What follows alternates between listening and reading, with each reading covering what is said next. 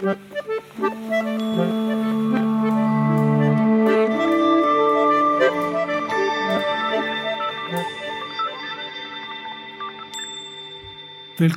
til eh, podkasten Ytringsklima.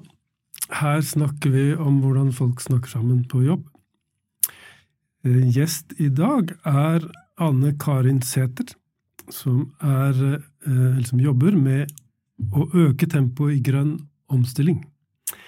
Du er seniorrådgiver i klimabyrået Footprint, som er en del av Sopra Steria. Ja, stemmer. Tusen takk for at jeg fikk komme. Velkommen i studio. Mhm, takk skal du ha. Eh, Jeg er nysgjerrig på hvordan det står til med ytringsklima for å snakke om grønn omstilling, bærekraft og veldig viktige temaer i, vårt, eh, i vår samtid. Så um, hva, hva tenker du om det? Hvordan, hvordan er det hvor, hvor enkelt eller vanskelig er det å føre samtaler i dag om grønn omstilling? Det varierer veldig eh, hvor du er. For i offentligheten så ser du ofte at det er mye harde fronter og skittkasting.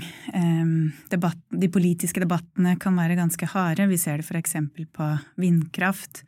Eh, er Greta Thunberg blir latterliggjort. Det er klimaforskere som får SMS om at de er ei jævla drittkjerring etter at de har vært på TV og lagt fram vitenskapelige funn. Så det er mye som ikke er så veldig bra. Men så er det også mye som er bra uh, ute i organisasjoner og i næringslivet, uh, kanskje særlig, der du ser at veldig mange ønsker å gjøre noe, de er på leit, mange er i gang, de snakker uh, om hvilke muligheter som ligger i det grønne skiftet. Det er en stor sult etter kunnskap. Så der er det mye bra dialog. Men selvfølgelig også utfordringer der. Ja. Jeg kunne tenke meg at vi dveler mest ved det siste, altså det at det er en nysgjerrighet, det er en interesse for temaet, men, men kanskje dvele litt ved det du sier om, om, hva forskerne opplever, for det er jo ganske alvorlig at de som har kunnskap på dette feltet, når de ytrer seg i det offentlige rom, så risikerer de å få hard medfart. Ja, akkurat det syns jeg er veldig trist, fordi vi trenger at forskere formidler mye mer enn det de gjør i dag. Det er ganske få klimaforskere som er ute og formidler mye. Du kjenner Bjørn Samset og Kikki Kleiven og en håndfull andre, men det er jo veldig, veldig mange der ute som rett og slett ikke tør å formidle, fordi de får så hard medfart. Og det er et ja, demokratisk problem. Nettopp. Hva tenker du kan gjøre, det kan gjøres med det? Hva slags beskyttelse eller hva slags mottrekk kan vi komme med for å gjøre det tryggere for forskere å formidle det de, det de har av kunnskap om, om dette? Jeg tror i hvert fall de bør slutte å lese kommentarfeltene. Det er ikke representativt alt som står der. Og så bør kanskje flere av oss være flinke til å sende de positiv feedback når de har vært på TV, eller sende de en melding på Twitter eller noe sånt om at dette var bra jobba.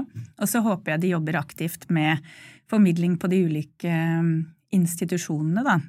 Jeg veit det gjøres en del på Cicero, NMBU og UiB, men det bør kanskje være en et felt som det satses mer på. og trygge de i det å bli intervjua, for eksempel, og det å være ute i politiske debatter.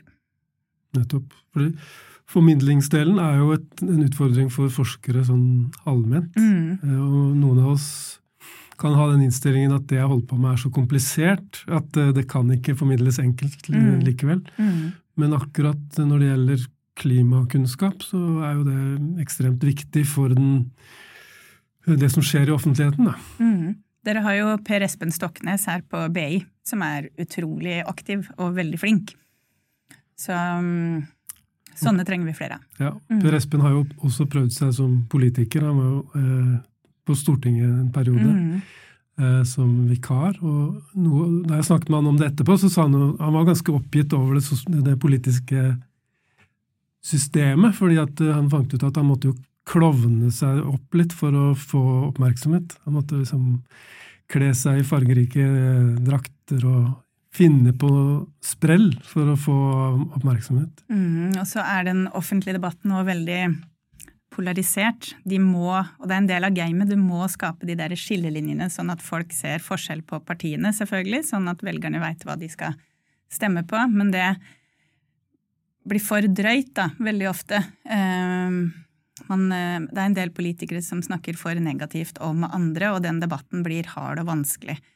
Uh, men på bakrommet så er jo politikerne veldig ofte venner. De som har uh, vært i en hard debatt på Dagsnytt 18 kan gå og ta en øl sammen etterpå. Sånn er det i Norge. Det er ikke sikkert det er sånn i alle andre land. Men det er ganske typisk. Og hvis du sitter i f.eks. energi- og miljøkomiteen, så er du veldig mye sammen med de andre politikerne fra andre partier på tur eh, til Mongstad eller Svalbard eller hvor det måtte være, og de kjenner hverandre godt og har eh, vært på de samme mm, bedriftene, fått presentert veldig mange av de samme klimaløsningene og ivrer ofte etter de samme eh, tingene. Men så må de da likevel krangle fremstille hverandre på en litt dårlig måte når de blir intervjua etterpå. Jeg var en tur på Island for et par uker siden, og der fortalte de akkurat det samme. Mm at de hadde en veldig hard og uforsonlig politisk eh, debatt, men politikerne omgår, om, om, hadde omgang med hverandre og kunne ha veldig siviliserte samtaler så fort så mikrofonene var slått av. Ja. så det er, et, eh, det er underlig, for det går jo utover tillit til politikere også. at vi, Det eneste vi ser, er at de, de krangler. Mm. Jeg veit at eh, NRK visstnok jobba en periode med et TV-program der man skulle sitte og rose og finne gode ting hos politiske motstandere. Men eh, jeg tror ikke det ble noe av. jeg besøkte en kommune for ikke så lenge siden, og der sa de at sånn er, har vi det på, i formannskapet. Der kan vi sitte og gi ros til hverandre på tvers av partigrenser, og vi kan innrømme usikkerhet og det ene med det andre, men straks eh, det er offentlighet rundt det vi sier, så, så faller det vekk. Mm. Så jeg tror det gjelder sånn allment, da, at ikke bare når det gjelder eh, bærekraft, men sånn allment for, for i det politiske ytringsklimaet, mm. at eh, her er det mye å hente. Usikkerhet, blant annet, eh, som du var inne på. Eh, det er ikke ofte du hører noen i en debatt si 'der hadde du et godt poeng, jeg tror jeg ombestemmer meg'. Nettopp. Men det skjer jo i virkeligheten. Det er bare ja. det at man ikke tør å innrømme det høyt. Nettopp. Men fortell litt om hva som skjer i organisasjoner som prøver å komme inn i grønn omstilling, som kanskje har holdt på på en tradisjonell måte uten at dette har vært løftet fram noe særlig, og så har et ønske om å omstille seg til, eh, til den virkeligheten vi lever i nå. Det er veldig mange som er på leit og ikke helt veit hvordan de skal gjøre det. Tenker at vi må lage en bærekraftstrategi, i hvert fall.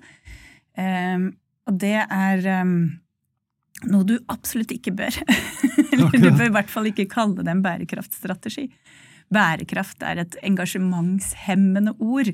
Det blir så diffust. Og veldig ofte så blir mange av debattene også diffuse når det kommer til bærekraft. Så jo mer konkret du kan være, desto bedre. Hvis du kan starte med et eller annet endringsprosjekt. Eh, hos oss skal vi begynne å bruke mer resirkulert materiale i produktene, f.eks., så skal det være vårt prosjekt. Så er det mye bedre enn at du plukker fram noen bærekraftsmål her og der og trykker en fin brosjyre. Og hvis du gjør ting konkret, så får du også mye mer engasjement blant eh, ansatte. Vi har f.eks. jobba en del med Espen Karlsen, som er sjef i Jernia. Og han snakker om at vi må gå fra bruk-og-kast-samfunnet til ta vare på-samfunnet. Og han har vært så profilert på det at de ansatte begynner å komme med ideer på eh, egen hånd fordi at det er eh, miljø for det. Sånn type vi har funnet en måte vi kan kutte masse emballasje på, eller eh, vi begynner å selge skruer og mutter i løs vekt. Hadde ikke det vært noe? Jo, kjempeidé. Sett i gang. Så da er det stemning for det, men i veldig mange bedrifter så er det ikke sånn. Der kommer det kanskje ovenfra, og så fisler det litt ut. Det er spennende å høre et konkret eksempel på en virksomhet hvor dette sprer seg. Eh, så kan du si litt mer om det? Hvordan, hvordan starter det i dette tilfellet her? Er det, er det, noe som kommer fra toppen og som sildrer nedover, eller, eller hvordan er dynamikken i en sånn eh, utvikling? Ja, i det tilfellet her så gjorde det det, og veldig ofte så, så gjør det nok det. Men øh, øh, ja, han var kanskje også litt sånn over gjennomsnittet interessert og litt tidlig ute. Men nå har jo åra gått, og vi ser at det er ganske mange ildsjeler rundt omkring i bedrifter som begynner å pushe på. Og du får bærekraftssjefer og bærekraftsrådgivere rundt omkring. Og så fort noen får det ansvaret og får den rollen, så begynner det jo å skje noe. For da må de pushe på noe, da må de ha en plan. Eh, men det vi samtidig ser, da, er at veldig mange av de føler seg litt aleine. Det er vanskelig også å skape et miljø for at man skal snakke om grønn omstilling, og at man skal være et lag som jobber med det sammen. Så av og til trenger du kanskje hjelp. Kanskje du trenger å øke kunnskapsnivået i ledergruppa. Kanskje du trenger å få litt drahjelp for å uh, lage en strategi som er konkret, og noen konkrete endringsprosjekter. Uh, det Så det å være en bærekraftsansvarlig i en bedrift, det kan være en ensom sak? Ja, vi snakker jo en del med de, og de føler seg veldig ofte aleine. Eh, og um, ja, du får fort sånn aktiviststempel. Ja, nå kommer hun med noe grønt igjen, hun derre borti hjørnet. Men eh, eh, det, er en, det, er en, litt karikert framstilling, for samtidig som det er sant, så er det også sant at det er veldig mange ledergrupper som nå satser på grønn omstilling. Det er ikke bare den der bærekraftsrådgiveren nede i gangen lenger. Det er en del av eh, strategien, og veldig mange begynner å bli målt på det. Og nå er det jo masse eh, krav til hvordan du skal rapportere på bærekraft som har kommet de siste årene, bl.a. pga. EU og denne taksonomien som klassifiserer ting som bærekraftig eller ikke bærekraftig. Det må du rapportere på. Du må også rapportere etter åpenhetsloven og eh, menneskerettigheter i verdikjeden din. Så da skjer det, da skjer det noe. Da mm, presser endringen seg fram i større grad, da.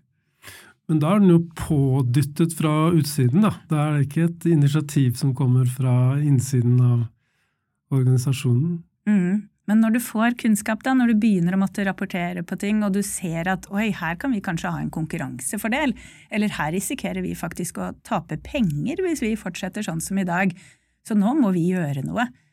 Og den eh, redselen for å tape penger, eh, da snakker vi om eh, finansiell klimarisiko, den er jo en fantastisk driver for endring. Ehm, og da kommer det jo ofte innenfra også, da, når flere får den kunnskapen. Så, så driver det frem endring. Jeg tror dette er et felt hvor det trengs historier og eksempler som kan inspirere andre til å ta initiativ. Eh, hva slags erfaring har du med å få bedrifter til å dele historier om sine grønne omstillingsprosjekter? Og det er jo så populært med bærekraft, så det er ikke så veldig vanskelig. det kan hende noen til og med er litt for ivrige og går i grønnvaskingsfella. Men så lenge du bare forteller veldig konkret om hva du har gjort, så er, da er det ikke noe fare for grønnvasking. For eksempel så er det jo en del bygg nå som rehabiliteres, og du setter i gang Du tar på gjenbruksbrillene på alle de arkitektene og ingeniørene som skal jobbe med et nytt prosjekt, og ber dem finne materialer som er brukt fra før. Mest mulig gjenbruk, mest sirkulær Eller sirkularitet. Og når de først er på den jakta, så skjer det masse spennende. Og i forsikringsbransjen for eksempel, så finnes det masse eksempler på at de nå driver med punktreparasjon i stedet for å reparere alt av noe. Hvis et gulv blir ødelagt, for eksempel, eller hvis en sofa blir ødelagt, så holder det kanskje også å reparere bak på ryggen av sofaen. Og så kan kunden kanskje til og med få en liten reparasjonsbonus i stedet for at du kjøper en helt ny sofa. Og forsikringsbransjen de kjøper jo inn varer og tjenester for mange, mange titalls milliarder hvert år. Så det å reparere mer, og det å bruke brukte bildeler eksempel, i stedet for nye, alt det der eh, bidrar til kjempeendring. Og det er gode historier. Det trenger ikke å være så veldig avansert. Veldig ofte så er det enkle ting som skal til. Og Cappelen Dam, som vel er både ditt og mitt eh, forlag, Eivind, de jobber eh, med å kutte i bruken av papir på sånne veldig enkle måter. De ser på hva slags eh, typografi de har. Noen type fonter bygger mer enn andre, så da slipper du å bruke så mye papir hvis du velger de riktige. Hvis du i stor grad bruker standardformater, så slipper du så mye avkapp på trykkeriet. Og så når du har store volum, så får det plutselig masse å si. Så alle kan leite etter løsninger hos seg da, for å sløse mindre, for å gå fra fossilt til fornybar, eh, og til å ja, tenke mer sirkulært. At man ikke skal skape avfall, men bruke ressurser som allerede er i omløp i verden. Det var nytt for meg at uh, mitt og ditt forlag tenker på den måten. Ja. uh, det, det, har de jo vært veldig mm. beskjedne med å mm. kommunisere. Mm. Uh, tror du det altså Hva kan være årsakene til at de er forsiktige med det? Er de redd for å gå i den grønnvaskingsfella som du snakka om, eller er det ja, det andre ting? Det kan faktisk hende. Mm. Fordi at det er folk der som er veldig opptatt av å ha absolutt alt på stell. Og de har jo masse på stell men de bare jobber med det i det skjulte. Da må vi prøve å dytte dem litt ut i mm. arenaen, tenker jeg. For at, uh, det kan jo mm. rett og slett få ringvirkninger. Mm. Og, og, noe av det mest spennende vi vet fra forskning på menneskelig atferd, er jo at det er smittsomt. Ikke sant? Så, så, hvis man klarer å skape begeistring for noen sånne eksempler og viser dem fram enda mer, så, uh, så kan det spre seg. Jeg hørte nettopp et veldig fint uttrykk, nemlig Hemmelige ambisjoner er ikke ambisjoner. Nettopp. Så det gjelder å dele dem mm. med, mm. med omverdenen. Mm. Vi sitter jo i kjelleren på en handelshøyskole. Og jeg jobber jo mye med å undervise unge mennesker som skal ut i verden, og jeg prøver å forberede dem på livet etter BI. Um, Vet du noe om det er Ser, ser, man noen generasjonsforskjeller når det gjelder interesse for grønn vekst og uh, bærekraft? Er det ungdommen som uh, står på mest, eller er det jevnt fordelt gjennom eh, generasjonene? Vi ser at de unge i samfunnet både er de som er mest opptatt av klima, og de som er mest bekymra for at det skal gå eh, galt Eh, det er jo de som skal leve med problemene i størst grad, så det er ikke så veldig, veldig rart. Eh, for et par år siden så var det en undersøkelse fra NHO som sa at én av tre unge vil vrake arbeidsplasser som ikke er grønne. Og det har blitt, eh, og ja, climate quitting er blitt et begrep nå. Mm. Så det er veldig mange som ønsker en jobb med mening. Og det gjør jo at veldig mange bedrifter har et rekrutteringsproblem framover. Så de må forholde seg til det her i større grad, ellers så er de ikke en attraktiv arbeidsgiver. Og for eksempel blant ingeniører så er det jo et uh, bikkjeslagsmål om gode hoder. Og da er det jo noen som velger å gå til grønne bedrifter, og andre som velger å gå til olja. Så olja må da si at vi har også grønne arbeidsplasser hos oss. Kom til oss, vi er i en omstilling. Det der en, eh, blir en viktig kamp framover. Men veldig mange bedrifter har unge med engasjement i dag som går og bærer på et uh, uforløst potensial.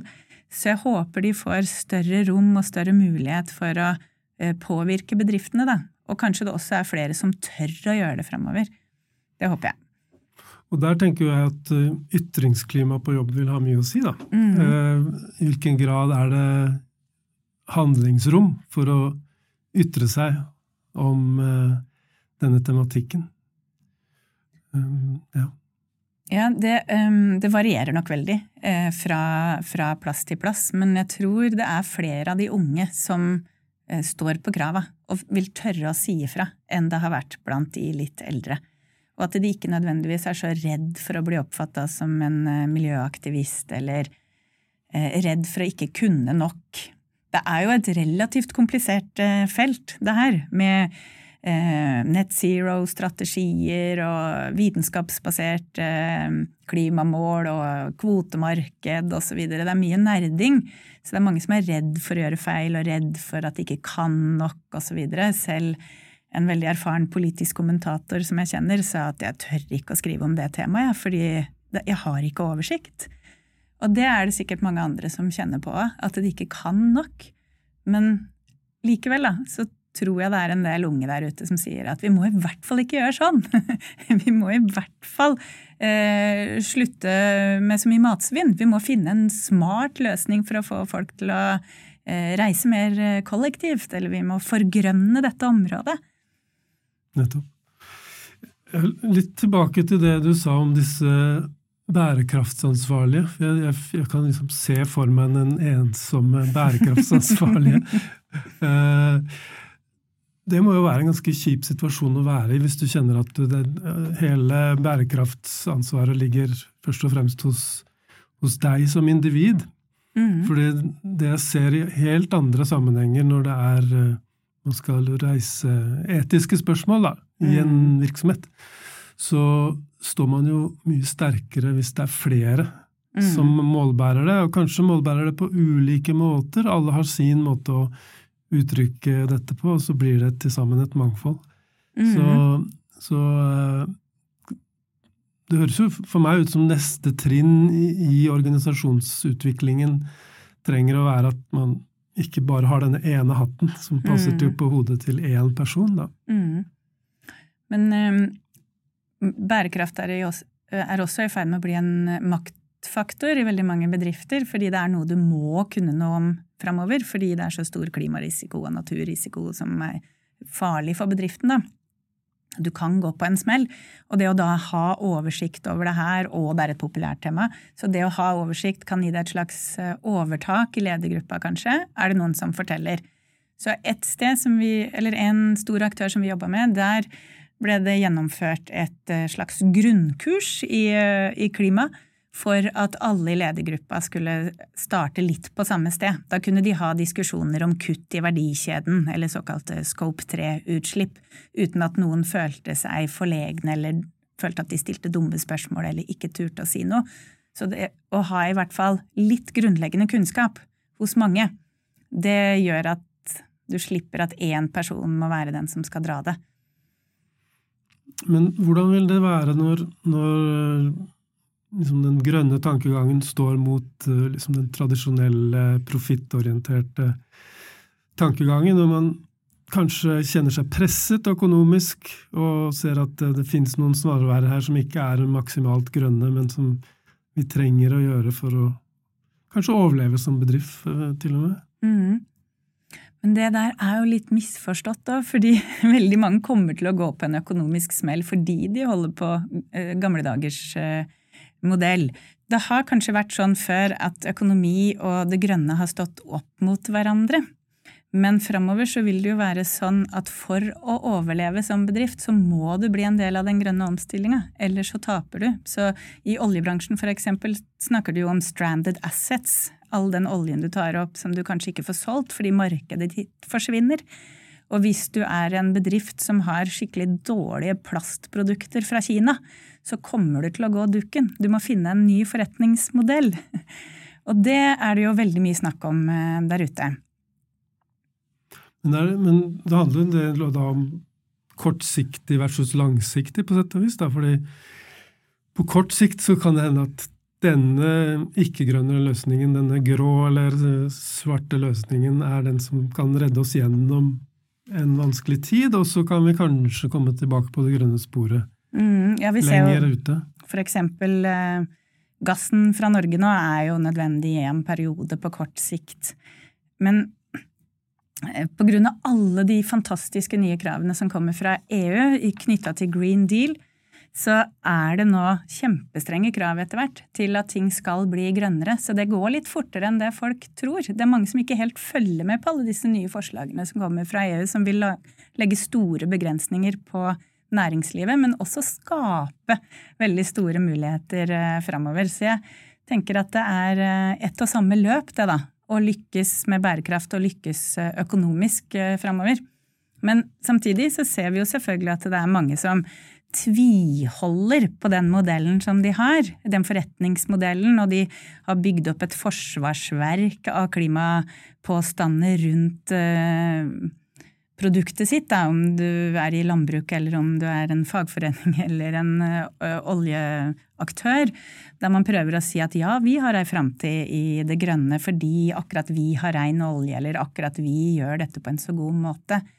Men ø, det kommer ikke til å holde så lenge. det, det, det kommer til å gå dårlig. Vi skal Vi nærmer oss slutten. Jeg syns dette er oppklarende ting du trekker opp rundt hvordan vi skal få til en god samtale om, om grønn omstilling og bærekraft i, i, bedrifter og i organisasjoner, og for så vidt i samfunnet også. Men jeg, jeg, jeg er fremdeles opptatt av dette med eh, at det kommer direktiver utenfra, da. Mm. Fordi når jeg har jobbet med etikk, så har jeg vært opptatt av at man må komme forbi uh, det, det, som er pålagt utenfra. Mm. Det viser seg at det er mer, mm. det er mm. mer uh, driv og effekt over det som, som kommer innenfra. Mm. Uh, men ser du det som en, en utfordring? At, uh, at bærekraftskrav kommer fra EU, fra Brussel, og ikke er noe som springer ut av en samtale i organisasjonene? Mm.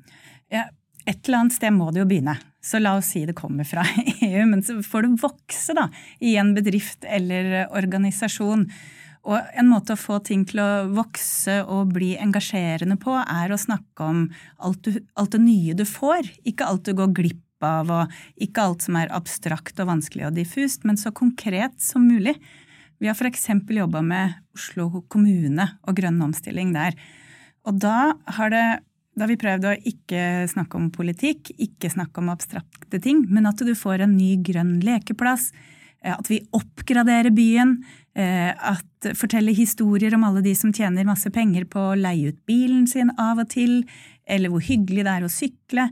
Eh, alle disse enkle, positive tingene. da. At nå kan du få mm, reparert sykkelen din enkle, nære, konkrete ting, det funker veldig bra. Og da kan engasjementet vokse, og det ser vi enten det er folk i en by som Oslo, eller at det er i en bedrift. Hvis du forteller om de tingene som er eh, konkrete, og som gir mening, eh, så skaper du engasjement. Veldig bra. Eh, jeg syns du har sagt, satt ord på mange spennende ting som trengs for å skape et ytringsklima for, eh, for å snakke om grønn omstilling. Eh, dette er jo noe som kommer til å prege hverdagen eh, rundt omkring i organisasjoner i, i mange år fremover. Hvis du har noen tips eller ideer om hva som kan løfte samtalen om grønn vekst i ja. organisasjoner? Eh, jeg kan vise til en eh, amerikaner som jeg i utgangspunktet ofte er uenig med, nemlig Frank Luntz, som er en sånn eh, spinndoktor og polster for republikanerne. Han har snakka om at for å lykkes med klimaomstilling, så må du snakke om muligheter, ikke frykt. Og så må du ikke snakke om bærekraft, du må snakke om at ting blir renere og tryggere og sunnere. Og så må du snakke til ego til folk dette er viktig for deg. Nå blir det bedre for deg og for dine. Eh, så det er ikke, det er ikke den derre ikke spør hva du kan gjøre for eh, Eller hva landet kan gjøre for deg. Spør hva eh, du kan Nei. ja, så vi er et ganske langt stykke fra Kennedy sine ord om at du må spørre hva du kan gjøre for landet, i stedet for å spørre hva landet kan gjøre for deg. Men likevel, hvis det er det som funker, så gjør vi det. Så ulike ting funker med ulike mennesker og ulike organisasjoner. Ja. Tusen takk, Anne Karin Sæther, for at du kom i studio og delte din kunnskap om eh, ytringsklima for å snakke om eh, grønn omstilling. Tusen takk skal du ha. Takk for at jeg fikk komme.